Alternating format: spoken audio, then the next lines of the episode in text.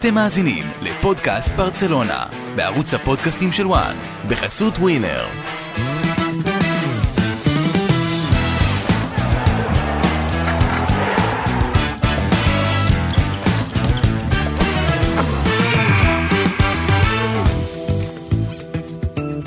פודקאסט ברצלונה, היום שאחרי עוד ניצחון ליגה, הפעם בסרמיקה של ויה ריאל, ניצחון שהגדיל את הפער מריאל מדריד לפחות זמנית ל-11 נקודות. נגיד שלום לעמית לבנטל וניסים חליבה, אהלן חברים. אהלן. אהלן, שבוע נהדר. גם אורי רייך פה, זה אני, נדבר על המשחק, המצטיינים, המאכזבים, קצת מלפפונים, כמובן, לקראת מנצ'סטר יונייטד. אבל קודם כל, הכותרות, ניסים, מה הכותרת שלך מהמשחק אתמול? אה, הכותרת שלי זה פדרי עם המספר 8 על הגב אבל הוא בעצם גם 6 וגם 10. אה, אנחנו רואים את פדרי הופך להיות אה, אחד אולי הקשר בתפקיד שלו הטוב בעולם כרגע. הוא, הוא גם מנהל העבודה וגם קוסם ביחד הוא בעצם עושה את התפקיד של צ'אבי ואיניאסטה המדור הקודם ביחד.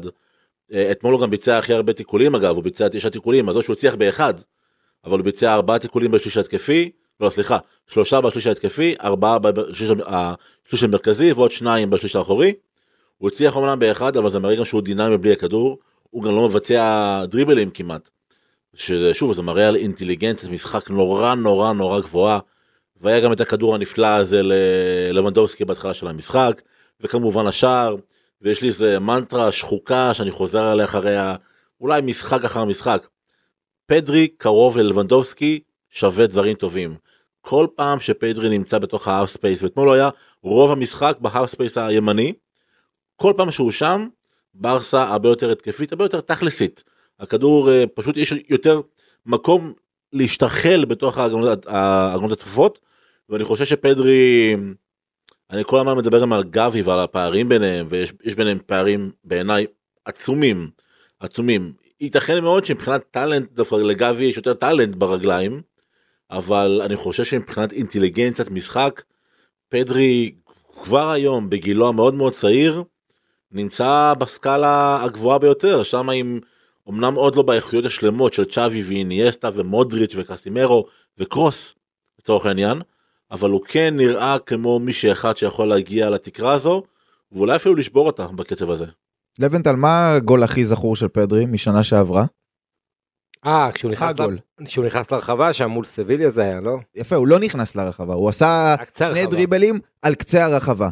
השער הזה, זה השער הכי זכור שלו, העונה, בכל המסגרות, ותכף אני אגיד, אני אדגיש למה, אני אסביר למה כל המסגרות, אוקיי? יש לו תשעה שערים. מה משותף לכולם? בתוך הרחבה. כולם מתוך הרחבה. ולא רק מתוך הרחבה, לא יותר מ-11, 12 מטר, לפעמים אפילו פחות מזה. עכשיו, למה אמרתי כל כל המסגרות? כי אם תחפשו סטטיסטיקה יבשה שלו, אז יש לו שבעה שערים. אבל יש לו שני שערים נגד פומאס בגביע גמפר, וזה משחק שנתן לנו, בעיניי, אה, אומרים, היו אומרים את זה בשיעור ספרות, אם אתם זוכרים, אה, רמזים מתרימים. כן. היו שם שני רמזים מתרימים. האחד זה שיתוף הפעולה בין לבנדובסקי לבין פדרי, שם לבנדובסקי בישל לו פעמיים, נכון. ופעמיים שם אותו באחד על אחד מול השוער, כמו אתמול. והדבר השני, זו התנועה של פדרי. כל השערים שלו העונה הם מתוך הרחבה, לא כי הוא לוקח את הכדור מחוץ לרחבה, עובר שחקן שניים ונכנס, אלא הכל, דיבר ניסים על האינטליגנציה שלו, על תנועה חכמה שהוא עושה אל תוך הרחבה. אנחנו, אתה יודע, אוהבים לדבר על פנטזיסטים כאלה כמו פדרי, בעיקר על מה הם עושים עם הכדור. איך הוא עשה את הדריבל, איך הוא נתן את, ה, אה, את המסירה, אבל כמה חכם פדרי אפשר לדעתי לראות גם בתנועה שלו בלי הכדור, גם אתמול בשער. הוא עושה שתי תנועות, אחת ברגע שרפיניה מקבל את הכדור, הוא עושה את התנועה לעומק, המסירה הולכת לו קצת אחורה והוא נותן שם נגיעת קסם, לדעתי זו הנגיעה הכי יפה בכל המהלך. הקטנה הזאת שהוא הוא מספיק לחשוב כל כך מהר, הכדור הולך לו אחורה, הוא מרים את הראש, הוא מזהה את לבנדובסקי, הוא נותן לו את הקטנה, ואז ממשיך גם בעצמו את התנועה פנימה אל תוך הרחבה, ומסיים את זה עם סיומת נהדרת, אה, והשער הזה הוא שוב, הוא עוד דוגמה, היו לו שלושה שערים בעונה שעברה בליגה, שלושה שערים בליגה שנה לפני זה, הוא כבר עכשיו, אנחנו קצת אחרי מחצית העונה, עם שישה שערים, דיברנו על כמה חשוב לברסה לקבל שערים מהקישור, אמרנו פדרי אולי יאיים מרחוק, אין לו בעיטה טובה מרחוק, יש לו בעיטה די חלשה מרחוק, נכון. אבל כשאתה עושה את זה מתוך הרחבה, עשרה מטר, שמונה מטר, אה, חמישה מטרים לפעמים, מול רשת חשופה, בזכות התנועה החכמה, אז זה עושה את העבודה, וצריך להגיד שמאז שני הבישולים של לבנדובסקי, נתנו נגד פומאס, אתמול זה היה הבישול הראשון שלבנדובסקי מוסר לו. כלומר, זה לא רק שיתוף הפעולה ביניהם, הוא יודע להיות במקום הנכון ובזמן הנכון, ושכל אחד מימין ומשמאל או מהאמצע יסדר לו את המצב כדי לסיים. אפרופו, למה אמרתי 6 שהוא גם 10, פדרי אתמול נגע 52 אה, פעמים פעמים בכדור. אם אתה מסתכל על מפת הנגיעות שלו, זה נראה כמו כלב תלמטי. כל המגרש מנוקד. הוא היה ברחבה של אה, ברסה. מימין, משמאל. כן, הוא בכל המגרש, הוא בכל המגרש. צריך לומר דבר, דבר דומה על גבי. גם גבי אתמול. למרות שהוא תפקד כמעין אה, ווינגר שמאל, היה די שקט. אבל. כן, אבל הוא היה בכל המגרש. גם המפת נגיעות שלו, נגיעות שלו, בימין, בשמאל, מאחורה, מקדימה, מאוד מגוון, מאוד דינמי, והצוות הזה, הצמד, גבי את אה, פדרי, או פדרי את גבי יותר נכון בעיניי, אמור להיות זה שיסחוב את ברסה על השנים הבאות. גברי, הצמד גברי. הצמד גברי, אהבתי. אה, כן, אני חושב שגבי שבוע שעבר מול סביליה היה יותר בולט, והפעם זה היה פדרי, אבל שימו לב מה משותף לכל השערים של ברסה האחרונים, שלבנדובסקי עוזב את האמצע, ואז רפיניה פעם כובש משם, ופעם פדרי, פעם גבי, ועוד פעם רפיניה מול בטיס גם כן. אה, זאת אומרת, המכניקה הקבוצתית הרבה יותר טובה. עכשיו לגבי פדרי, חבר'ה, האיש ניצח רק בחודש האחרון, 1-0 שער על חטאפה, 1-0 על ג'ירונה. זאת אומרת, הוא מביא נקודות, 4 1-0 מתוך השבעה של ברסה, שיש לברסה 7 1-0 עם העונה, ארבעה מהם זה פדרי כבש שער ניצחון, אז המשקל של הגולים שלו הוא גם מאוד חשוב, בטח במשחקים קשים כמו ויה ריאל וג'ירונה וחטאפה שלא הולך לקבוצה, אז הוא מתעלה, ואני אתן לכם נתון עליו, אה, 14 איומים מהעונה לשער, תשעה למסגרת, שישה שערים, זה בליגה. אין הרבה יותר יעילות התקפית מזאת. צ'אבי דיבר על זה שיש לו כישרון מולד לפדרי, אבל אה, הוא משפר כל ומוסיף אלמנטים למשחק שלו, והאלמנט של תרומה ישירה לגול עם כיבוש, אה, זה באמת החידוש הכי גדול שהוא מביא העונה הזו. כן, אמרת רק אה, ככה לגבי הבעיטות האחרונות שלו, הבעיטות לעבר השער האחרונות בליגה, זה הולך ככה, שער, לא שער, שער, לא שער, שער, שער, שער, שער, לא שער, שער, שער, לא שער, שער, לא שער, שער. כמו ניקוד של כלב דלמטי. כמו, כן, הכלב הדלמטי חוזר פה. חוזר פה, ולדעתי. שלחתי לך בבוקר ניסים את הנתון, 10 נקודות הביאו השערים של. פדרי העונה יותר מכל שחקן אחר. כן. בליגה עשר נקודות. זה ההבדל בין תיקו כאילו לשער שמביא שתי נקודות. מדהים. עשר נקודות זה הפער כמעט. מריאל מדריד. 11, כן. כן, אגב. אם אתה מחפש מספר קסם, 11 ניצחונות יש לברסה מ-11, 11 רצופים ב-2023, 11 הפרש מריאל מדריד, 11 משחקי חוץ העונה, 10 ניצחונות והפסד אחד בברנבאו, ו-11 שחקנים זה בערך מה שיש לרוטציה כרגע, אבל נגיע, נגיע כן. לזה בהמשך. עוד נגיע לזה, אני רק רוצה לסגור את העניין עם פדרי, עם, אה, עם נושא אחר, עם שם אחר, כי הגול הזה בסוף הוא זה שעושה את ההבדל ומביא את הניצחון, אבל לדעתי אי אפשר לדבר על הגול הזה בלי אה, להגיד מילה אחת ולדבר על שחקן אחר. והמילה האחת היא לחץ, והשחקן האחר הוא לא הכובש, ולא המבשל, ולא האוקי אסיסט, ולא פוטבול אסיסט, אלא המחלץ.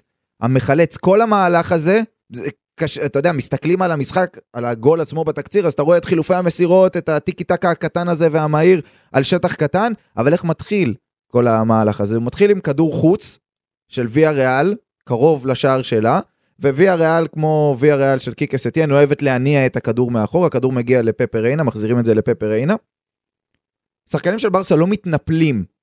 חוץ מלבנדובסקי שקצת לוחץ את פפר ריינה, הם לא מתנפלים, הם סוגרים את קווי המסירה הקרובים. ואז, כמו שתמיד קורה, מגיע שחקן מעמדה גבוהה יותר, לאחור, כדי לנסות ולפרום את הלחץ הזה. זה אלכס באנה, ששיחק אה, קצת יותר אה, למעלה-שמאלה כזה, אה, יורד לאחור בערך מרחק 30 מטר מהשער של ויה ריאל באמצע, לא בכנף. תכף תבינו למה זה כל כך משמעותי. 30 מטר מהשער. מי מלווה אותו ומחלץ את הכדור הזה? קונדה או דה יונג? קונדה. קונדה היה שם. קונדה הוא so called המגן הימני. נצמד אליו כל כך גבוה, מחלץ את הכדור, ומשם בעצם נולד, ה... נולד השער הזה, אה, וגם קיקס אתיין אפילו, שכאילו בא כקרויפיסטה כזה בזמנו לברצלונה, כך הוא העיד, אה, העיד על עצמו, דיבר על זה בסוף המשחק, שאחד הדברים הכי שונים בברצלונה שהוא רואה עכשיו, זה משחק הלחץ וכמה הוא אינטנסיבי. הם לא חילצו הרבה כדורים אתמול בשליש האחורי של ויה ריאל, רק uh, תשעה חילוצים, במשחקים אחרים הם בדרך כלל עושים את זה יותר, גם ויאריאל היא קבוצה שיודעת להניע את נכון. הכדור מאחור, ויש לה בלמים שיודעים להניע מצוין וקשרים נהדרים, אבל השער הזה הוא לבנדובסקי עם הבישול, הוא פדרי עם ה... שנתן גם את האוקי אסיסט בעצם ללבנדובסקי וגם אה, סיים, אה, סיים בעצמו, גם רפיניה שזיהה יפה את התנועה של פדרי, אבל הכל הכל מתחיל בעיניי מהמגן הימני במרכאות אה, קונדה. אה, כן, גם- אני גם חושב שעמית אמר את זה בשידור אתמול, עד הדקה 25 ככה אמרת את זה.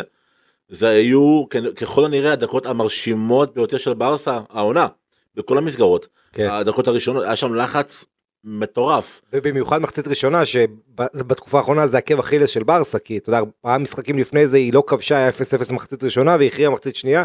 אתמול ברסה התנפלה מהפתיחה במגרש קשה האווירה קשה. אה, כן מאוד מרשים ואני אחבר את אה, כל הנקודות האלה ברשותך יאללה. על מי אני אדבר. אתה יודע אתה המנחה.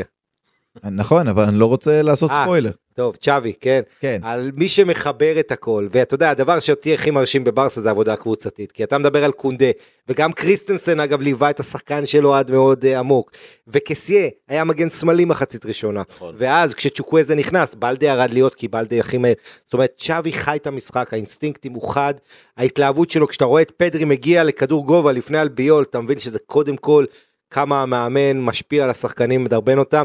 ותראו המערך הזה של צ'אבי אני בעיניי רואה בזה חידוש אולי הכי גדול מכל המאמנים היום באירופה אה, מה שצ'אבי עושה. בעצם הוא אתה יודע גבי הוא שחקן כנף מזויף. עכשיו המערך הזה אתה יכול לקרוא אותו בכמה צורות. אתה יכול להגיד שזה 4-4-2 עם רפיניה לבנדובסקי מקדימה רביעיית קישור. כן אבל כשברסה עם הכדור קונדה בדרך כלל נשאר מאחור בלדה עולה קדימה זה 3-4-3 הרבה יותר. עכשיו זה גם יכול להיות 4-2-2-2, כן, שיש לך באמצע דאבל פיבוט, כסיה דה יונג, מקד... לפניהם, כן, את אה, אה, גבי פדרי, ומקדימה את לבנדובסקי רפיניה. אתה יכול גם לקרוא לזה 4-2-3-1, כי לבנדובסקי הוא האחד, כן, יש לך שלישיית קישור, דאבל פיבוט, שזה דה יונג ו- וקסיה. כלומר, אתה לא יודע במספרים אפילו איך להגדיר את זה, כי זה כל כך דינמי, זה המערך המודרני, ואמר את זה על שנה ספלטי, המאמן של נפולי, שבכדורגל היום המספרים לא מדברים, מה שחשוב זה לתפוס את השטחים, וזה מי שמיישמת את זה הכי טוב אולי זה ברצלונה. עכשיו, אה, כמה, כמה נקודות על, על אה, צ'אבי. 20 משחקי חוץ אחרונים של ברסה בליגה, 20 משחקי חוץ, 17 ניצחונות, שני תיקו והפסד. זה מאזן שאין באירופה ובעולם קבוצה יותר טובה. וזה היה העקב הכי, הכי גדול של ברסה בשנים עם מסי, תמיד המאזן חוץ שהייתה נופלת בחוץ. הדבר השני זה ההגנה כמובן, שהייתה סופגת בצורות, והעונה זו הגנה שבעה שערים ב-21 מחזורים, לספוג, זה הכי מעט בהיסטוריה של הכדורגל הספרדי, רק קבוצה אחת עשתה את זה, אותו מאזן, זה לקורוניה ב-93-4, אה, אותה לקורוניה סיימה עם 18 שערים את העונה, שערי חובה, אז תשבור את זה ברסה אתה חושב? אה, תשבור את השיא הזה? אני לא יודע, תראה, אם הם לוקחים אליפות ויהיה קצת ירידת מתח Mm. ומחליפים בסוף, זה יכול להפיל את זה. אבל כרגע הם נראים בהחלט בדרך לשם. הם- הם בקצב יותר אני טוב. אגיד לך ככה, ברסה, צ'אבי הצליח לקדם שחקנים, כך שהיום אנחנו מדברים על פדרי אולי הטוב בעולם בתפקידו, ועל אראוכו, אין בלם יותר טוב בעולם נכון לעכשיו, בכושר שהוא נמצא בו מאראוכו. זאת אומרת, הרבה שחקנים נמצאים בשיא שלהם, וצ'אבי, אני אומר צ'אבי המהפכן, זה שבנה מערך אסימטרי, בלי באמת שחקן כנף בשמאל, עם גבי אה, המזויף, ואתה רואה את השינויים תוך כדי תנועה, עם הגיוון הטקטי, עם הניהול משחק המפתח, אתה רואה התפתחות של שחקנים, פדרי מביא מספרים, אה, כל הדברים האלה, צריך לתת קודם כל את הקרדיט, אנחנו רואים מול העיניים, וגם ניסים דיבר על זה אה, לא מעט, צ'אבי מתפתח להיות אה, הגוארדיולה החדש, והגנתית, זו ברסה שלא ראינו כמותה גם בתקופת גוארדיולה. אגב, צ'אבי עצמו אמר, אנחנו לא קבוצה הגנתית, יש לי את הציטוט של זה איפשהו, אני לא רוצה שנשחק הגנתי, אני רוצה שנכבוש יותר, שהוא אומר, להגן היטב זה לא הנשק העיקרי שלנו, אבל זה נשק טוב מאוד. אנחנו קבוצה התקפית, רוצים לכבוש את השני ואת השלישי, אבל מה לעשות, מה שקורה, אנחנו מנצ- מנצחים הרבה משחקים 1-0. אז הוא הודה שברסה לא מספיק מדויקת במסירה האחרונה, בפעולה האחרונה, אבל מה שהוא גם אמר זה המגן הראשון אצלי זה לבנדובסקי, וכשלבנדובסקי תוקף ולוחץ באינטנסיביות זה מדביק את כולם, את הצעירים סביבו, ואתה יודע, אז הוא אומר, לא, הקרדיט לא רק לטרשטגן וגם לא רק לאראוכו ולבלמים ושחקני הגנה, הוא לכל הקבוצה על משחק ההגנה. ואני, אתה יודע, אלה מילים כדורבנות. אמרת גוורדיולה ואני חייב להגיד משהו כי גוורדיולה בעיניי אה, פחות מגוון מצ'אבי יותר שמרן בגישה שלו אמנם יש לו המון רעיונות אבל הוא נורא נורא אה, מאמין בדרך די ספציפית וזה מרגיש לי שגוורדיולה הוא סוג של אה, מורה של המשחק, והוא מלמד אחרים, וצ'אבי הוא תלמיד של המשחק, ואתה רואה צ'אבי שואב השראה גם מגוורדיולה, אה, גם מתן אח בהתקפות מעבר מהירות, גם מאנצ'לוטי, הגבי הזה, זה סוג של ולוורדה ב- כן. במדריד. אתה רואה כאילו המון, אתה רואה, אתה רואה בן אדם שלא מקובל לדרך. אתה רואה בן אדם כמו שאתה אמרת, הוא לא בא אמ, להביא דרך אחת למשחק, אלא לומד אותו תוך כדי תנועה, והלכידה הזו של השטחים, זה בעצם דרך חדשה שבה המאמנים הבכירים ביותר מסתכלים על המשחק.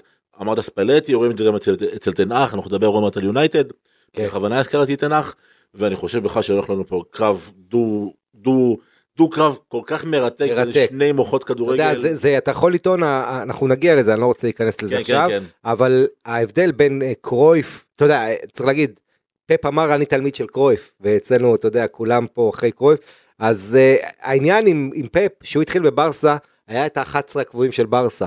זאת אומרת, היה לך את ההיררכיה הברורה, צ'אבי, איניאסטה, בוסקץ, אתה יודע, כל, אתה ידעת בדיוק מי ה-11. עם השנים, גוארדיולה הפך למאמן שאין לו הרכב. שהוא כל הזמן משנה, כל משחק אתה לא יודע מה יהיה, והוא קצת לפעמים פוגע בעצמו במובן הזה. ולעומת זאת, צ'אבי יצר היררכיה ברורה, אין לו כל כך עומק בסגל, זה הנקודת התורפה הבולטת של צ'אבי, אם אני יכול מילה על זה. אתה יודע, אתה לוקח את דמבלה שפצוע ואת בוסקטס שפצוע, אתה מוסיף את קסיה ואת אלבה ובלדה. זה 14 שחקנים היחידים שיש לצ'אבי כרגע. אם אתה מחפש נקודת תורפה... בכושר. נכון, בכושר. בכושר אני מדבר כי פרן כן. טורס לא בכושר, אנסו פאטי לא בכושר, פבלו טורה לא נספר, ו- ואני לא אלך, אתה יודע, סרג'י רוברטו ואחרים. בסוף, שיש לך עוד כמה משחקים בעונה הזו, ודיברת על אם אפשר לשמור את זה, האינטנסיביות, אז נראה מה, לאן הם יגיעו באירופה, אבל זה אתגר גדול. אין לו כרגע עומק, ומה שמעיד על זה זה החילופים שלו, שהולכים ונעשים יותר מאוחרים. אתמול הוא עשה רק שני חילופים, גם מאוחרים וגם מועטים מועטים, בכמותם. דקה 80 פרן תורס רפיניה, דקה 89 כסה יוצא, נכנס ג'ורדי אלבה, זה שני חילופים בלבד. עכשיו, אני לא מאשים אותו כי אין לו אופציות. זה, זה מה יש. אנחנו תכף נדבר על עוד... אה, אנסו פאטי לא על פוגע. אנסו פאטי, בדיוק. נגיע גם לאנסו פאטי בהמשך, אבל אנחנו עדיין עם הדברים הטובים. אה, הכותרת שלי קשורה למצטיין של המשחק, אמנם הליגה בחרה את אה, פדרי, אבל גם באולפן שישבנו לבנטל הייתה די תמימות דעים שהמצטיין נמצא בכלל בצד השני של המגרש. אה, יש את הקלישאה שאומרת שכדורגל משחקים אה, 90 דקות ובסוף הגרמנים מנצחים. אני אומר, כדורגל הוא משחק של טעויות, ובסוף הראוכו מתקן אותן. עכשיו אני אתחיל קצת עם סטטיסטיקה, למרות שאני תכף אגיד משפט אחר, אבל קודם כל קצת סטטיסטיקה. חמישה מאבקי קרקע אתמול, ניצח בכולם. חמישה מאבקי אוויר, ניצח ארבעה. 26 מסירות, דייק ב-23. כמה הוא השתפר במשחק הרגל שלו, זה חשוב. שני כדורים ארוכים, שניהם מדויקים, שלושה תיקולים מוצלחים, וכמובן, אפס פעמים שעברו אותו בדריבל. למה כמובן? כמה פעמים עברו דריב, בדריבל העונה את אה, אראוחו? בליגה? לא עברו, עברו פעם אחת. פעם אחת נגד ראיו במחזור הראשון, 13 באוגוסט, אנחנו היום 13 בפברואר. הוא. היה קצת פצוע באמצע, כן? פצוע, שלושה היה פצוע, כן. אבל עשרה משחקים רצוף בליגה שלא עוברים אותו. אני גם יכול לספר שבעשרה משחקי ליגה בלעדיו ברסה ספגה חמישה שערים, ואיתו ב-11 משחקים היא ספגה רק שניים, שאחד זה היה על הראש של קריסטנסן, עיסק, והשני זה היה העצמי הזה של קונדה שלא היה קשור לשום דבר. אבל אתם מכירים את זה שאומרים אה, על מסי, עזבו את המספרים, עזבו את הסטטיסטיקות, רק תסתכלו עליו. אז לגבי אתמול במיוחד, עזבו את הסטטיסטיקה של אראוחו. אמרתי את כל המספרים, עזבו, שימו את זה בצד. רק תסתכלו עליו, אני ראיתי סרטון שרץ ברשת, ברשת של אה, אראוחו מאתמול, ארבע פעמים האיש הזה מונע בכוחות עצמו מצב של אחד על אחד, רוב הפעמים ירמי פינו, מצב של אחד על אחד נגד טרשטגן. לפני כמה שבועות דיברנו על ההצלות שלו מהקו אחרי שטרשטגן כבר נכנע, עכשיו הוא פשוט מונע את הסיטואציות האלה, הוא, הוא גורם שהן לא יקרו. אין יותר, דיברנו על זה לבנטל לדעתי לפני שבוע שבועיים, כמעט אין יותר הצלות הירואיות של נכון. טרשטגן. אתמול הוא מנע את זה, אתה זוכר את הדקה 85 שהוא הציל מצב. שוב ושוב ושוב ושוב. ארבע פעמים ששחקן אחד של ויה ריאל רץ מול אין הגנה של ברצלונה, והראוכו הוא זה שנמצא שם, והראוכו גם זה משהו שאמרתי באחד הפודקאסטים הקודמים, אבל זה כל כך מתחדד, זה העניין הזה של המזל במרכאות. המקום, הזמן ולעשות, להיות במקום הנכון, בזמן הנכון ולעשות את הפעולה הנכונה, ולדעתי המהלך הכי מרשים של הראוכו היה די בתחילת המשחק, דווקא כשברסה הייתה בעניינים, אבל עדיין ב-0-0, זה היה 8.55, כדור ארוך על ירמי פינו, ירמי פינו שחקן מאוד מהיר, והוא בא עם הפנים, אראוחו צריך לעשות את הסיבוב על המקום ולהתחיל לרדוף אחריו. הוא רץ אחורה, הוא מקדים את ירמי פינו, הוא מוריד לעצמו עם הראש, מרחיק עם הרגל, דופק ספרינט לדגל הקרן, עם החזה משתלט על הכדור, שומר על הכדור בתוך המגרש, ירמי פינו רץ כדי ללחוץ אותו, הוא מנסה לתת פס אראוחו, זה פוגע בירמי פינו, בסוף הכדור גם נשאר של ברצלונה. מדהים. זה היה אופק.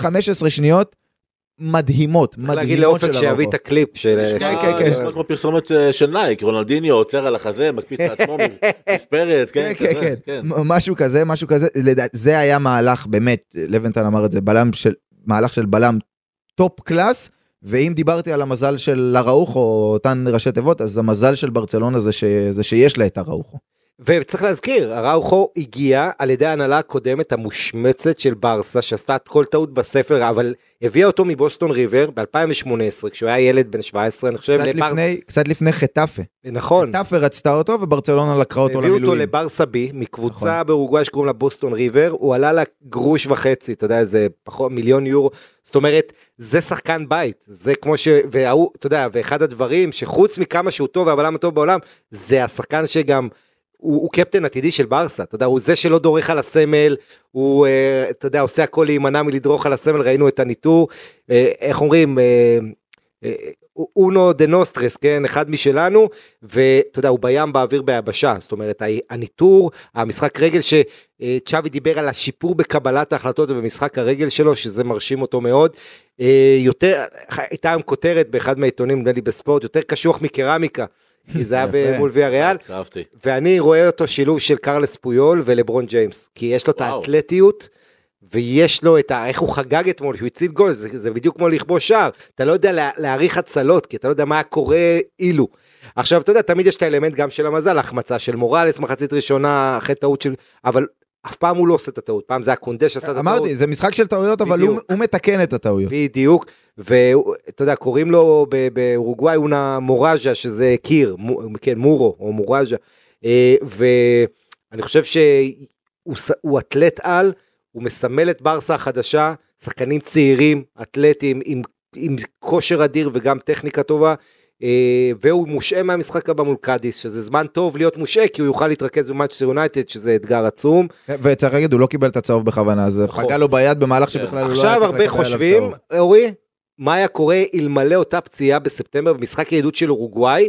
אני מזכיר לכם, אחרי זה זו הייתה נפילה של ברסה עם אינטר שהיא 3-3 צ'מפיונס, בבית, 1-0 בחוץ, הפסד, ש- שגרם להדחה שלה, וכולם אומרים אין מצב שהייתה מודחת וזה איתו, אה, גם הפסד בברנבאו, כלומר, העונה איתו יכול להיות הייתה נראית מושלמת, אבל כולם חכמים בדיעבד, אולי זה נתן לו את האנרגיות הדרושות להיטען בהם. אה, אבל תשמע, אתה רואה את רוב שחקני אורוגוואי חזרו רע מהמונדיאל, לא כולם, לואיס סוארז עושה חייל בברזיל למשל, אבל אחרים, קוואני, ולוורדה שרק עכשיו חוזר לעצמו, והוא חזר פשוט נפלא. מה שיפה אגב באראוחו לדעתי, בסיפור של אראוחו, זה שהוא סוג הבלם שלא היה אמור להצליח בברצלונה. בלם שהגיע לפני כמה שנים צעיר, משחק רגל נכון, גרוע. בל... הרי בברצלונה שנים בוחרים את הבלמים שלהם, קודם כל, מי יודע להניע כדור. מי יודע... פתאום בא בלם, הוא לא ה-DNA של ברסה. ממש לא, ממש לא. פתאום בא בלם שקודם כל מה שהוא יודע לעשות זה הגנה. הוא מהיר, הוא חזק, הוא מתקל מצוין, הוא במקום הנכון, בזמן הנכון, עושה את הפעולה הנכונה, והוא לא טוב עם הכדור, ואתה רואה גם את אלמדה, הוא כאילו לא יכול היה לבקש מורה טוב יותר מצ'אבי, נכון. כדי לשפר את משחק הנעת הכדור ואת משחק הרגל, ואתה רואה בטווח זמן לא ארוך, האיש לא חמש-שש שנים ועכשיו משתפר. אתה רואה בטווח זמן מאוד מאוד קצר, איך גם את האלמנט הכי בעייתי שלו, הוא הצליח לשפר. זה עניין של חילופי דורות, אתה יודע, אנחנו רואים פה, אה, לא, את הכדורגל משתנה, הכדורגלן משתנה, וגם ברסה משתנה, היא לא יכולה להישען לנצח על טיקי טקה ועל פוזיישן ועל אה, אה, טכניקה טובה וזהו. אה, צריך שילובים של דינמיות, של אנרגיות, של כוח, וזה למה ראוכו, ואפילו קסיה שנראה טוב אתמול, יכולים להשתלב בצורה טובה בקבוצה כמו ברסה. אה, עמית לבנטל אמר לברון ג'יימס, ואני מתחבר מאוד למטאפורה הזו, להשוואה הזו, אבל אני רואה את אה, אראוכו ואני פשוט ממש רואה סוג של תעתיק של ונדייק. כן. ממש מזכיר לי אותו בריצה, בעוצמות, במנהיגות, בשקט, בכיוונים. אני, ו- ואני חושב שברצלונה, נאחל לו שיהיה ונדייק. כן, שאראוכו הוא, הוא, הוא הכדורגלן החדש.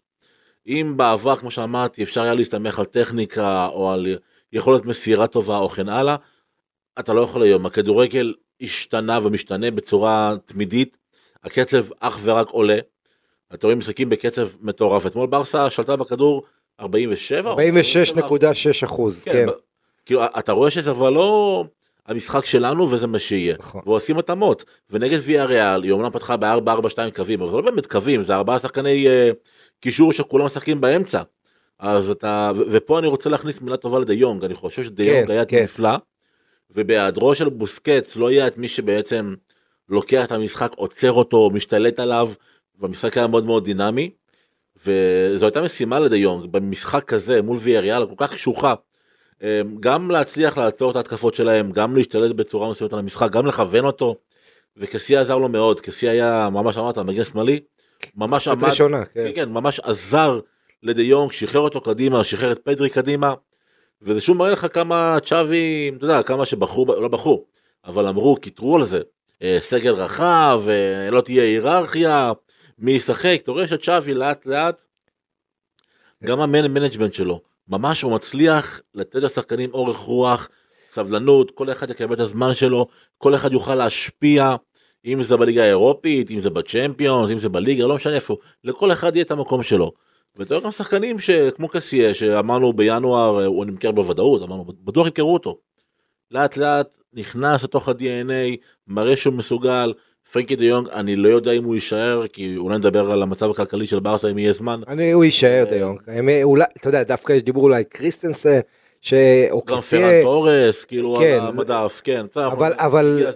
אבל אתה יודע, העניין, וזה גם, שניכם נגעתם, התפיסה הייתה ששחקן חייב את המשחק רגל, כי זה כאילו מולד, ועל הפיזיות אפשר לעבוד איתו, ופה אראוחו שבר את הפרדיגמה, נכון. כי הוא בא עם הפיזיות, והצליחו לשפר את משחק הרגל שלו בצורה משמעותית. אה, אז... רוצה אני רק אסגור את העניין כן. של אה, אראוחו עם עוד- כן. עוד נתון לגבי אראוחו 11 משחקים אמרנו שהוא משחק העונה בליגה ברסה ספגה פעמיים פעם מזמן פעם עצמי של אה, של קונדה. כמה עבירות עשה אראוחו העונה אתם יודעים ב-11 משחקים? כמה? שלוש, ארבע? 6 עבירות. שש עבירות, מדהים. שזה מראה לך, תראה, העניין הוא שפעם היה את הבלמים של, של העבר, היה להם שני אלמנטים שאין לבלמים של המשחק המודרני. לא היה להם משחק רגל, ולא, אה, ואני מדבר בהכללה כמובן. משחק רגל לא היה להם ואתלטיות.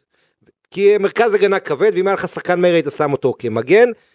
היום, גם בריאל מדריד, כן, מיליטאו אלאבה רודיגר, הבלמים היום סופר אתלטי על. נכון. ואתה אתמול, כשגם לא היה, אגב, גם אם ג'רד מורנו היה משחק, ג'רד מורנו יותר איטי מהם. אבל אני אמרתי את זה, שהשחקן היחיד בוויאריאל שיכול להתמודד איתם בספרינט זה צ'וקווזה. הוא היחיד שנותן להם פייט ל- לרביעייה, קריסטנסן, בלדה קונדה ואראוחו. הם רביעיית מטוסים אתלטים וזה יהיה מאוד מעניין לראות אותם מול מנצ'סטר יונייטד, שהיא, אתה יודע, וקבוצות פרמייר ליג שהן מאוד אתלטיות, ו- ואי אפשר גם, ניסים צודק, לא לדבר על דה יונג. זה היה משחק חוץ ראשון בלי בוסקץ בעצם העונה, אתה יודע, ובמגרש קשה, וזה היה מבחן ממש אולטימטיבי עבור דה יונג להחזיק את האמצע, והוא נתן, שבע, היה לו 17 ריקאבריז, אתה יודע, של הכדור, אה, ניהל, ניווט, כיוון, אה, חיפה, נכנס, היה משחק באמת פנטסטי שלו, בתקופה אדירה, ואני חושב שמכל השחקנים הרביעייה בברסה, המעבר לארבעה קשרים של צ'אבי, שזה הפך כבר לקבוע, משחק רביעי רצוף, נכון. ו- אה, זה הכי מחמיא לדה יונג. נכון כי אני כל כן- הזמן אמרנו אין במערך הזה על שני שחקנים שהזכרתם פה גם על פרנקי וגם על קסיה אמרנו אין לברצלונה ב-4-3-3 הקלאסי שלה מקום. אין את העמדה שלהם. פרנקי אוהב לשחק ב double pivot, כך הוא שיחק בהולנד, כך הוא שיחק באייאקס, כל פעם שהוא התראיין אחרי משחק בהולנד הוא אמר שיחקתי טוב כי אני רגיל וזה מה שהיה ל-. למערך הזה, כן. ו- וגם קסיה הוא לא שש לבד, והוא לא 50-50, הוא- גם במילאן הוא שיחק תמיד הוא ובינאסר למשל לידו, או הוא וטונאלי לידו, ופתאום המערך הזה עם ארבעה קשרים, יש מקום לשניהם. ופעם זה יכול להיות קסיה שיצא קצת יותר קדימה, אבל גם דה יונג עצמו יכול להרגיש בנוח שיש לידו עוד מישהו והוא לא רק לבד לנהל, והמערך הזה, גם עם בוסקץ, בעמדה של בוסקץ ודה יונג לידו, וגם עם דה יונג כבוסקץ וקסיה לידו, פשוט מחמיא שם לכולם. אני אני כן רוצה להגיד משהו. קשר אנחנו- טוטאלי קרא לו אה, צ'אבי, כן. אנחנו נדבר על יונייטד ממש עוד מעט, אבל אני רוצה גם לשמוע את דעתכם כי אני סקרן, ולעשות מעין reality check, כי אני לפני כחודש אמרתי אמ, שאני מרגיש לי שיש ירידה מאוד מאוד משמעותית באיכות בליגה הספרדית, והפער נגיד בין, בין ברסה לבין שאר הקבוצות הוא פער אדיר לפי דעתי, וגם הקטנות נהיו חלשות יותר, וגם הבינוניות נהיו בינוניות יותר, וגם. נקרא לזה ה top אה, 3 עד אה, 6 נהיו גם חלשות יותר. ואני חושב שיש פה עכשיו ריאליטי צ'ק. היה בעצם ריאליטי ראשון ב- ב- בצ'מפיונס, כישלון טוטאלי, התרסקות, הקבוצה נכשלה, לא הצליחה. ועכשיו, ואז בעצם נגמר, יש פער, והפער הזה זה הליגה הספרדית, הכל סבבה, הכל נראה מדהים, הכל עובד, תשבוכות, ניצחונות, שערים, הכל סבבה, ואז מגיע יונייטד. ויונייטד זו הריאליטי צ'ק האמיתית, לראות באמת איפה נמצאת ברסה ב-level האירופי, וזה זה לא שיונייטד קבוצה top אירופה, עוד לא, אבל נבנה שם משהו מעניין, ו... ואני חושב שזה גם מבחן טוב לליגה הספרדית. נכון. הליגה הספרדית נכון. בעיניי בירידה מאוד מאוד תלולה, ואני חושב שברסה מושפעת מזה, וגם באיכות, אתה יודע, זה כמו... אה, תזכיר כמו- לי מי אלופת אירופה?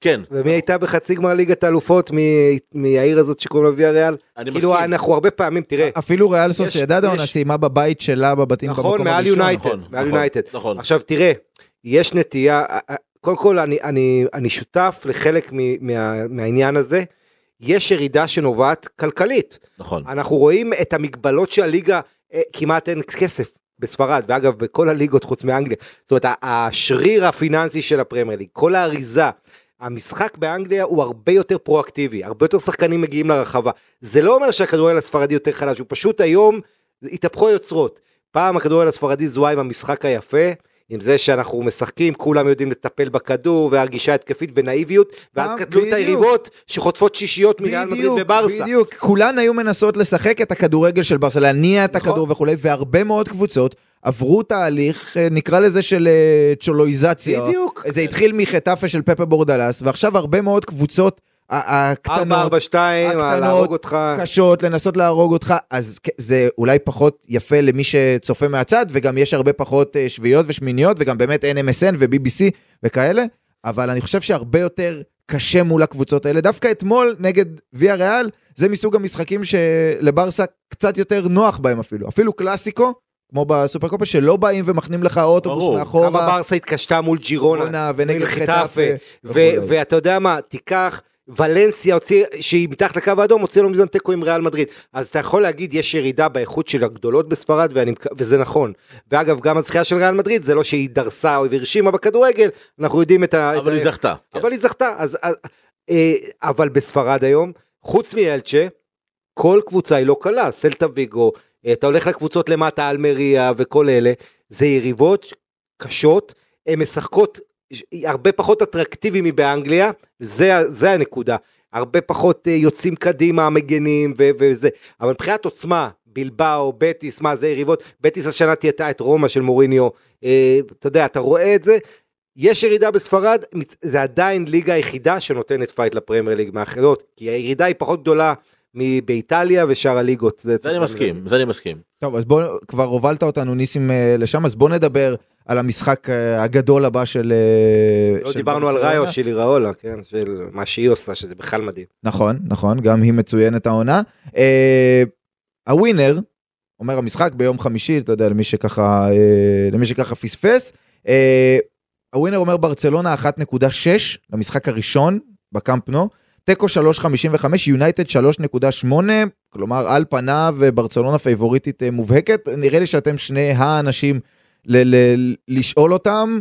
אה, אוהד יונייטד מהילדות ואו- ואוהד אה, ארסנל. שעוקב אחרי אה, יונייטד אה, מקרוב.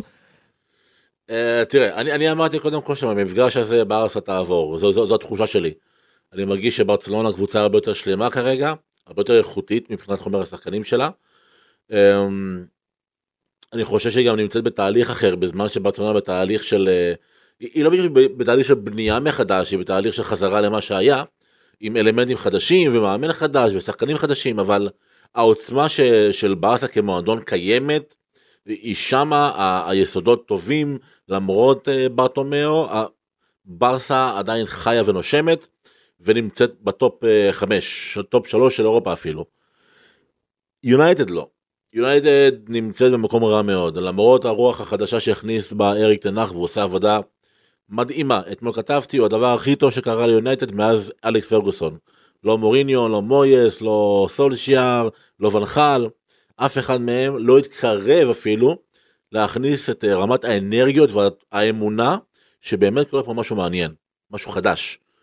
ויש גם דיבורים כמובן על רכישה שמתקרבת, אם זה קטר, אם זה ג'ימי רדקליף שהוא אוהד אה, מועדון והמיליארדר אה, הגדול בבריטניה. דברים טובים קורים ביונייטד, אבל עדיין זה, זה מפגש, כמו שאמרתי, של קבוצה, קבוצה שנמצאת בתהליך של חזרה לעצמה, מול מועדון שמנסה ממש עד איכשהו להוציא את עצמו מהבור שבו הוא קבר את עצמו. יונייטד קבורה, יונייטד מועדון שהיה בטופ 4 באירופה, והיום הוא לא בטופ 10 אפילו לא טופ 20 אפשר להגיד את האמת. כן אבל אבל ניסים אי אפשר להתעלם מההתקדמות העצומה יונייטד תראה אותה בטבלה איפה היא רק נכון נכון נכון תראה אותה תראה אבל מאז אבל- המונדיאל היא מנצחת כמעט כל משחק כן אבל יש פה כוכבית. צ'לסי נוראית, ליברפול נוראית, טוטנאם אני, בתהליכי אני חושב. שיש פה אתה אתה לדעתי קודר מדי ואני אגיד לך למה אתה קודר מדי בהסתכלות שלך על ה- ואגב- אולי- אולי הוא עובד בווינר, ואגב אתה ואנחנו לא לא יודעים. ואגב אני הרבה יותר קודם ממך כשאני מדבר על הקבוצה שלי ארסנל יש לנו נטייה להיות פסימיים ו- וזהירים כשאנחנו מדברים על הקבוצות שלנו זה טבעי במובן מסוים. אה, קזמירו קזמירו כמה זה פגע בריאל מדריד וכמה זה שינה את יונייטד. ואתה רואה את זה כמה יונייטד לא מצליחה לשלוט במשחקים מול לידס יונייטד שאין קזמירו וכשהוא משחק היא מנצחת את סיטי ברור שהוא game changer. הוא ה game changer ואתה יודע ליסנדרו מרטינז וראן אני חושב שמאנצ'סטר יונייטד יש לה יותר עומק אבל יש לה פחות זהות מברסה. אה, זה העניין. יש זאת יותר עומק? יש לה כן לא, אין יש יותר לך עומק. לו- אה, תסתכל אין לך חלוץ, אין לך ווינגר לא, שמאל, אין לך שחקנים. לא אבל אבל יש. לך יותר שחקנים ברוטציה מבברסה בברסה נפצעים לך שניים שלושה שחקנים כבר אין לך שחקנים בכושר. צריך להגיד, זה משמעותי לפחות לגבי המפגש הראשון, בוסקץ לא אמור להיות, ודמבלה לדעתי אולי אפילו בשני המפגשים. נכון. לא יהיה, גם ביונייטד יש היעדרויות. את שווי ש- נכון. שאין לו, הוא עושה, הוא לא עושה חילופים כבר, מרוב שאין לו, עם שני שחקנים פצועים, כבר אין לו את מי להכניס. ביונייטד, יש לך יותר שחקנים ש- שנכנסים, אני מסכים שהרבה לא בכושר. אין- יש לך אה, את... אה, אה, אין לך. דוני רכהורסט עוד לא נכנס. פצוע. סקוט מקטומני פצוע. אנטוני פצוע. קסמירו חוזר נכון, מהשעיה, אנטוני בסדר. אבל, האחות שלך זה ורכהורסט. אבל גרנצ'ו סנצ'ו נכנס. חזר מ- עכשיו משיקום אה, ארוך נפשי. יש לך את. לוק שו ומלאסיה כ- כמגן, כן, יש לך אבל- את ליסנדרו אני חושב וגווייר, שברסה הרבה יותר עמוקה ממנצ'סטר יונייטד. לא הרבה יותר עמוקה, זה בדיוק מה שאני טוען.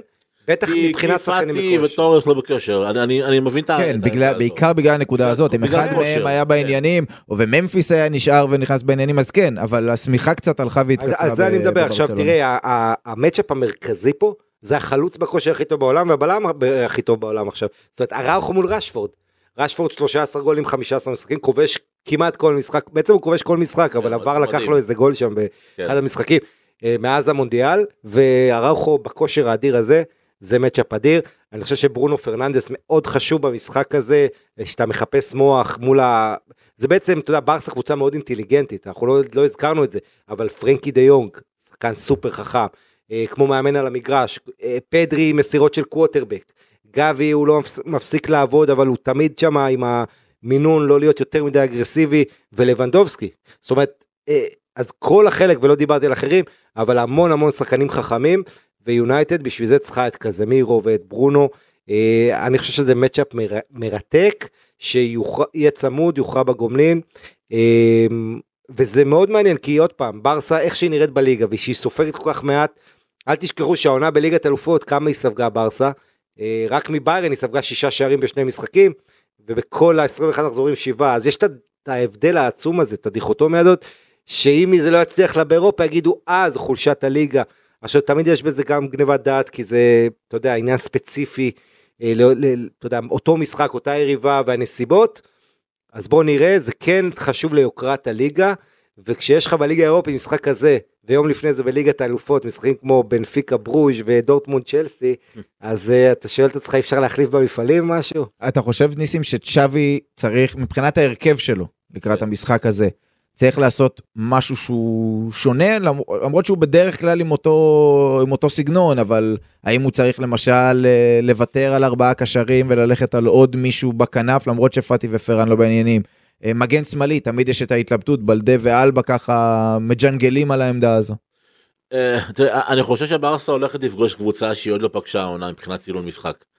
אם בספרד הרבה קבוצות נשענות יושבות מאחורה ויוצאות התקפות מעבר מינימליסטיות, יונייטד כולם חושבים שתן אח זה פוזיישן, זה לא פוזיישן. גם באיה כשהוא שיחק, נכון, קבוצה דומיננטית שאתה בכדור, אבל התבניות התקפה הם התקפות מעבר מהירות עם מסירות קצרות, אבל עם מספרים. משמע לא חלוץ ועוד אחד שמצטרף אליו, בכמויות. כולם קדימה. אתה תראה את המגן, אתה תראה אפילו לפעמים את הבלם, רץ קדימה. זה ממש במספרים גדולים, שלא הרבה מאמנים עושים דבר כזה, ואני חושב שברסה לא פגשה, ברסה של צ'אבי לפחות, עוד לא פגשה יריב מרתק, כמו אריק תן אח. אני כן חושב שברסה במשחק הזה צריכה להש... להסתמך על השחקנים הוותיקים שלה, היא צריכה להסתמך על אה, ג'ורדי אלבה ולא על בלדה. אני חושב שג'ורדי אלבה יוכל לעבוד יותר טוב באגף ימין, תלוי מי ישחק שם, אולי זה יהיה רשפורד, אולי זה יהיה בכלל סנצ'ו, אולי זה יהיה גרנצ'ו, אנחנו לא יודעים מי יהיה שם באמת. אבל זה משחק שברסה... הנה דיברת על עומק. על? על עומק, אתה כן. רואה, יש לך יותר אופציות מברסה. במובן הזה יונייטד פחות צפויה, אבל. נכון, נכון. אני חושב שברסה תצטרך למצוא משוואה להשתלט על המשחק. מה שקרה אתמול מול ויה ריאל, ה-47% פוזיישן הזה, מול יונייטד, יהיה הרבה יותר מסוכן. יונייטד ברמה ההתקפית, 2-3 רמות מעל ויה ריאל. יונייטד לא, היא, היא לא תהסס לעקוץ את ברסה. שאלה אם וכורסט יפתח. לא ואני- אני לא חושב אני חושב שהוא יפתח. אני חושב שבחוץ אתה משחק יותר על על אני אגיד לך מהירות, למה הוא יפתח. על מעברים. אני אגיד לך למה הוא יפתח. כן, כן. אראוכו. אתה רוצה שחקן שיפוצץ במכות את אראוכו. אתה רוצה שחקן שירתק אותו ויגיד לו, תשמע, כן, אבל יש אפשרות לעלות אותו מהספסל כשהראוכו קצת פחות אולי, אתה יודע, קצת יותר עייף. זה גם אופציה. גם מצבים נייחים, גם קרנות, אה, הרמות לרחבה, יודע, כולם אומרים, כולם זוכ- זוכרים אותו בגלל הבובו, בובו, הטמבל מהמונדיאל. אבל שמע, נגד אה, לידס, הוא היה קריטי בשני השערים. אה, בשער השני, נכון, סליחה. נכון. מאוד קריטי. ירד אחורה, הוא נלחם עם הבלמים, הוא מאוד דינמי, הוא שחקן מאוד חשוב במערך של אה, תנאך, הוא, הוא, הוא לא חלוץ הכי טוב בעולם, הוא לא יכבוש לך שלושה ארבע במשחק, אבל הוא מטריד בלמים גדולים, ויש לך את אראוכו, שהוא בלם גדול. ואני חושב שאתה רוצה לשים את, גם זה יהיה מעניין, רשפורד. האם רשפורד ילך לדו קרב ראש בראש מול קונדה, שקונדה לא פראייר מבחינה פיזית, כן. או שיהיה בכלל בימין. הוא אומנם יותר חלש שם, אבל בימין זה או בלדה הלא מנוסה, המנוסה, הלא מנוסה, או אלבה ה- הוותיק. זאת אומרת, יש פה המון המון דקויות קטנות, זה משחק שיוכרע גם על הדברים הקטנים. חד וחלק, חד וחלק. אני כן חושב שברסה טיפה יותר פייבוריטית, בגלל, שוב אמרתי, אתה היית. הולך על ה-1-6 בווינר? לא, הייתי הולך על תיקו, הייתי הולך על תיקו במשחק הראש- הראשון, ויש לי הרגשה שדווקא במשחק השני באולט טראפורד, זה ייגמר על חודו של שער לטובה של ברסה. אין. אין, כמובן אין שערי חוץ, שזה נכון. צריך להזכיר, אבל אתה יודע, אני מעדיף את הליגה האירופית על ליגת אלופות, מסיבה אחת, שהגומלין הוא תוך שבוע. Mm. כי הש... עכשיו, המ... אני. אני טוען בכלל, אגב, שהמקסימום שבין משחק ראשון לשני, בכל מסגרת לא צריך להיות יותר משבועיים. אחרת, אתה אף אחד, אם, אם זה יותר משבועיים, אני יודע את זה מהניסיון שלי של 30 שעה כזאת, אף אחד לא זוכר את המשחק הראשון בגומלין. בליגת אלופות, תמיד שמגיעים אחרי שלושה שבועות, אף אחד לא זוכר בכלל מה היה המשחק ראשון, השופט קיפח, היה שופט... זה יותר מדי זמן, ואגב, בליגה הספרדית, בין המשחק הראשון בחצי גמר הגביע של ברסה וריאל, יש גם יותר מחודש, שזה גם נוראי.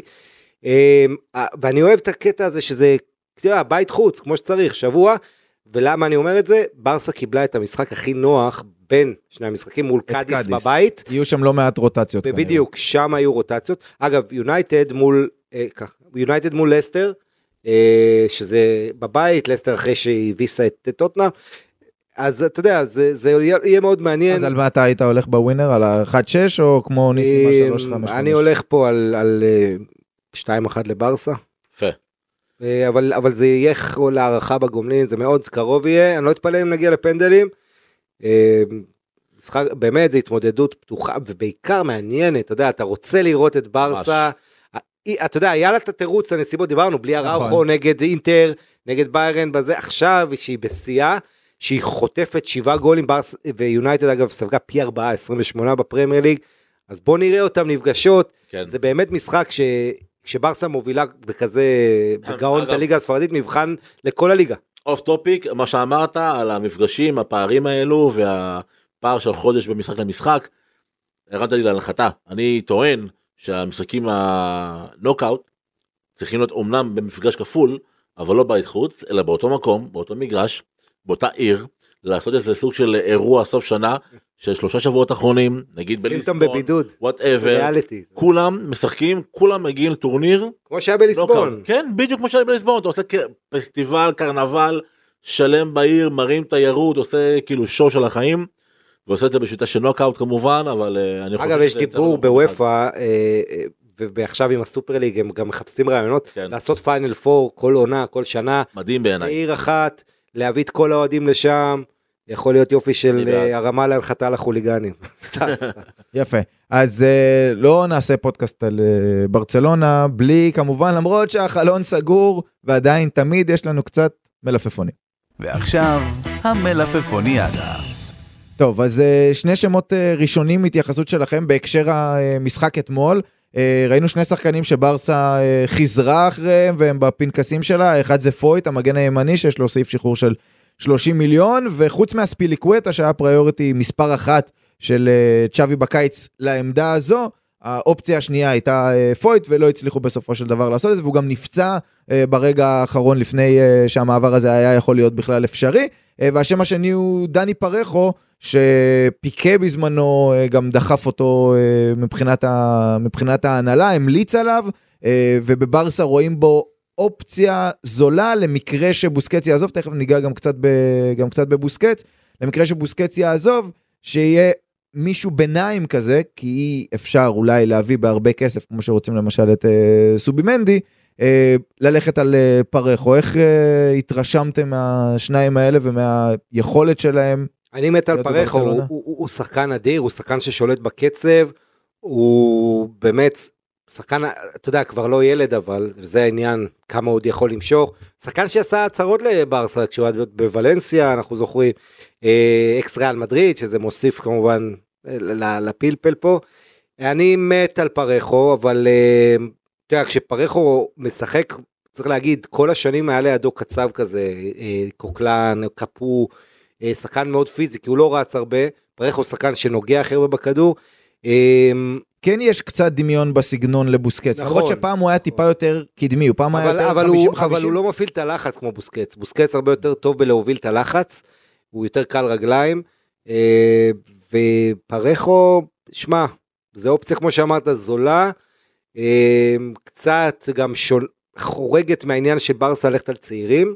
אה, אני חושב שזאת אופציה, כל הזמן מקשרים את זה למקרה שבוסקץ יעזוב, אז זה תחליף זמני. אני חושב שיש עדיין, למרות שהוא נכנס לעניינים, יש סיכוי לא רע שקסיה יימכר, כלומר הם יאבדו איזשהו עוד קשר ברוטציה, ויכול להיות שאם בוסקץ ימשיך, דווקא כן להביא את פרחו, ואז זה שניים שיכולים לחלוק את הדקות ביניהם, ביחד כמובן עם, אה, עם פרנקי דה יונג, וגם אם יביאו אפילו איזה אמרבת כזה, בסופו של דבר, אני לא פוסל את פרחו כהעברה יחסית זולה בגיל מתקדם, אני משער שהוא גם יבקש יפה מוויה ריאל וכן יאפשרו לו בסכום סביר ללכת, כדי שהוא כן יהיה חלק מה, מהרוטציה פתרון הזו. זמני, זה פלסטר, כן. אה, לגבי פויט, אה, אני מאוד אוהב את השחקן הזה, דומה גם לקונדה באוריינטציה, כן, זה נראה, דיברנו על זה מהקיץ, שזה נדמה שצ'אבי כל הזמן אומרים, אין לברצלונה מגן ימני כמו דני אלווס, אין לה מישהו שהוא המקביל של ג'ורדי אלבה או של בלדה בצד ימין. נגיד את זה שוב, עושה רושם שצ'אבי לא רוצה את זה.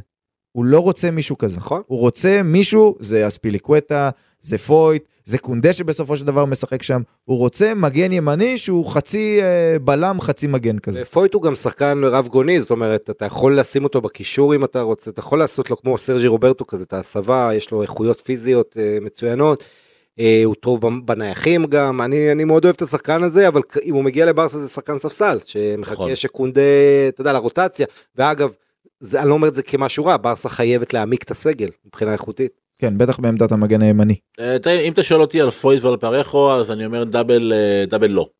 לא פרחו ולא פוית. אה, אני- פרחו בן 33, ואם אתה הולך להביא שחקן אה, באזור הזה, בגיל הזה, לך לאילקאי גונדואן, מסיים חוזה, תביא אותו לצורך העניין, או אם אתה רוצה להביא שחקן לעתיד בסגנון הזה, לך ליורי טילמאנס ותביא לו אחלה שכר ותביא אותו, גם הוא מסיים חוזה. אני אומר לא לפרחו. או, או את קנטה, יש גם דיבור על קנטה כן, מצ'לסי קנטה אולי. חוזר עם פציעה, כאילו, אתה יודע, זה- זה אחרת. הימור, אבל- נכון. כן. אני גם אמרתי בזמנו ז'ורג'יניו לפי דעתי היה מושלם לברסה אבל אז, אבל אה, כאוהד ארסנל חבל שזה לא קרה. כן, נכון ואז בארסנל. אה, לא אתה אתה תראה שהוא שחקן נפלא.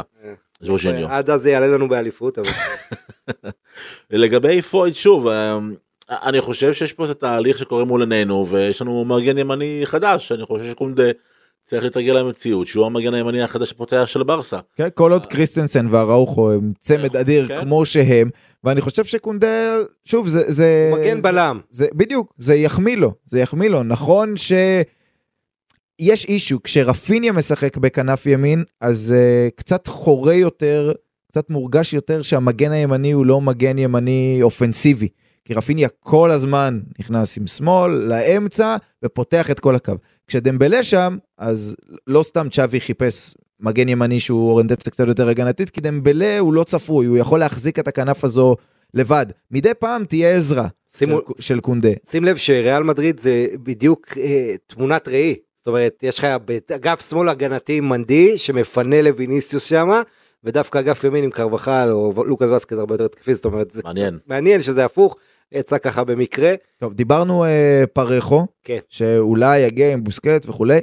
יש את הסיפור הזה עם בוסקץ. זאת אומרת, הציטוטים מהצד של ברצלונה ולפורטה וצ'אבי, ומהצד השני הדיווחים בהקשר של בוסקץ הם, הם קצת מבלבלים אותי, אני אגיד את האמת, כי בוסקץ כאילו היה דיווח שהוא רוצה להמשיך בברצלונה, והוא מחכה שברצלונה תעשה את הצעד, וצ'אבי ולפורטה כל הזמן אומרים, אנחנו רוצים שהוא יישאר, אבל אנחנו מחכים שהוא יודיע לנו מה הוא רוצה. יש שם, כאילו, לפחות בתקשורת, בתקשורת כלפי חוץ, איזושהי אי התאמה בין, ה, בין הגרסאות של שני הצדדים, ובכלל עולה השאלה, האם צריך להאריך לבוסקץ את החוזה? שוב הוא מסיים חוזה אז אם אתה אם שחקן מסיים חוזה אתה צריך להגיש לו חוזה- חדש. ואז והם אומרים, אבל אנחנו מחכים שבוסקטס יגיד מה הוא רוצה. זהו, זה, זה משא ומתן דרך התקשורת, בעצם באיזה גובה יהיה החוזה, האם זה יהיה בגובה של שחקן, אה, אתה יודע, בהיררכיה ברמה ג' או ברמה ב' או ברמה טופ, ברמה A. אני חושב שמבחינת אה, בוסקס וגם מבחינת ברסה, זה, זה אידיאלי שהוא יישאר לעוד עונה, אני חושב שזה מה שצריך לקרות. אני חושב שבמשך כבר ארבע שנים אנחנו שומעים על הדעיכה במרכאות של, של בוסקץ, ובמשך ארבע שנים הוא עושה את התפקיד שלו בצורה הכי טובה בעולם. כאילו, אין קשר אחורי בונה משחק ב-level של בוסקץ, כולל כולם, כולל אולי רודרי מתקרב, אני עדיין חושב שבוסקץ, בקבוצה שהיא... אה, אגב, יכול להיות, אה, אפרופו דיברנו פה לפני על העניין עם אה, מנצ'סטר סיטי, למרות שיש סיכוי שזה ייגמר בלא כלום, יכול להיות גם שזה ייקח זמן, כן?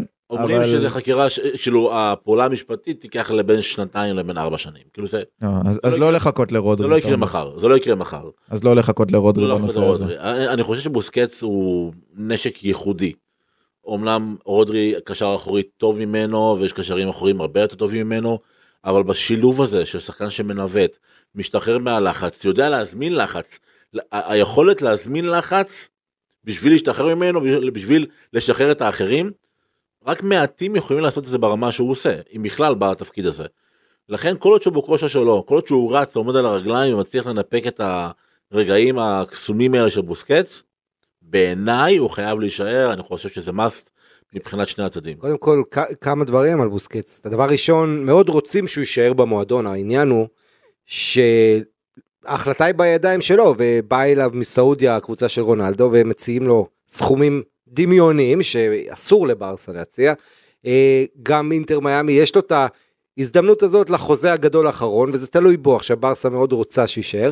אה, בוא נזכיר שבוסקץ אה, מעל 700 הופעות בברסה, זאת אומרת, אם הוא ממשיך עוד עונה, הוא מדגדג כבר את השיא של ההופעות של מסי במועדון, שחקן שכמעט אף פעם לא נפצע, אבל עכשיו הוא פצוע, ומה זה אומר? בוא נראה מול מנצ'סטר יונייטד, זה הזדמנות, אם תחשוב ברסה נותנת הצגה, אומרים וואו אפשר להסתדר בלי בוסקץ, הם לא יודעים עד היום כי הוא תמיד שם, אז עכשיו המשחק הזה הוא עוד יותר גדול כדי, אחרי שהם עשו את זה טוב מול ויה ריאל, עם דה יונג, מה שדיברנו כסייה, אם גם מול יונייטד ברמות האלה הם יראו שהם מסוגלים להסתדר בלי בוסקץ, זה במשחק הראשון לפחות, אולי גם בגומלין, אנחנו לא יודעים עדיין בוודאות שהוא יחזור לגומלין.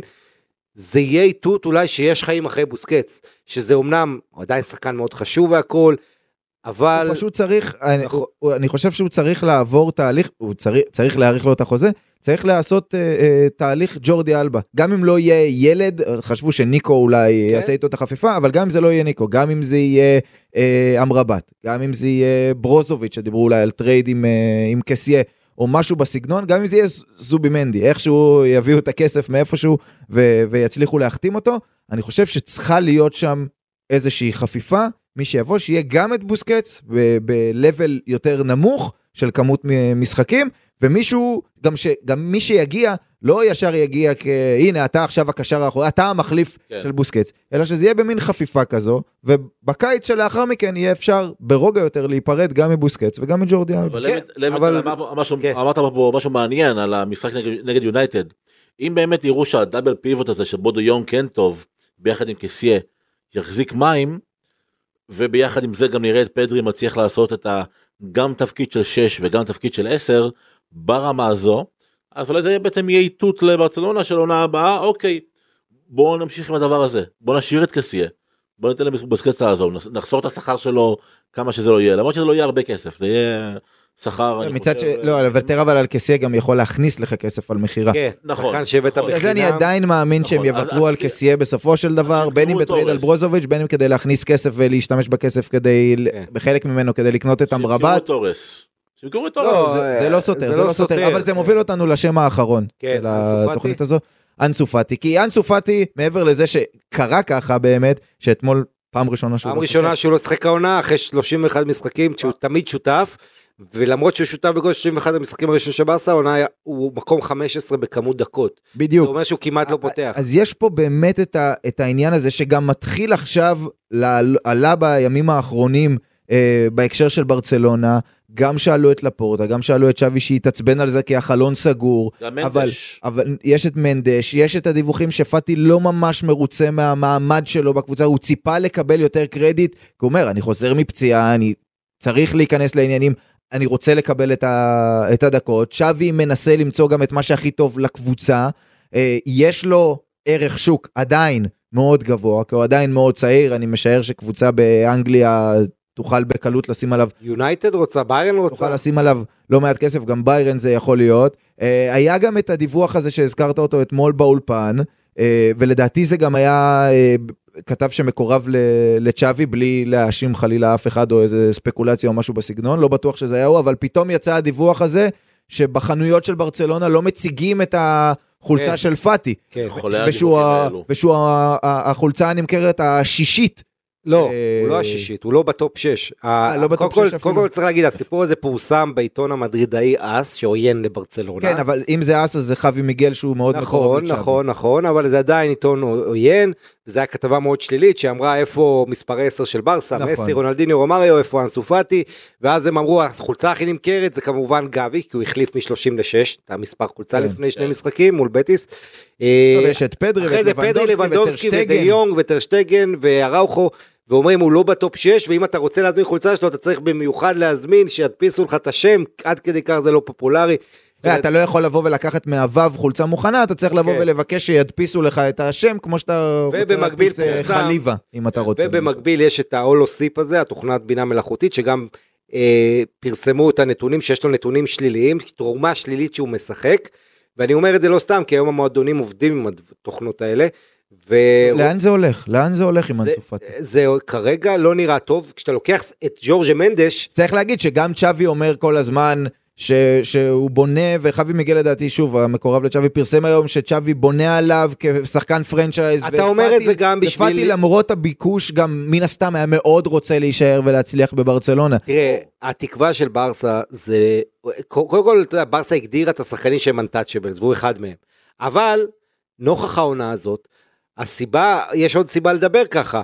אה, שחקן ששמת עליו סעיף מיליון, סעיף שחרור של מיליארד יורו, שאתה רוצה כמובן לא תביא מיליארד, אבל ברסה אם יביאו עליו 90 מיליון היא תשמח מאוד, אז אתה רוצה לשחק אותה, כן. אתה רוצה לשחק אותה, אני לא רוצה למכור בשביל המשא ומתן. אבל אתה יודע מה, עזוב את. המכירה, עזוב את הקיץ. אוקיי. יש לנו עוד כמה חודשים לעונה הזו.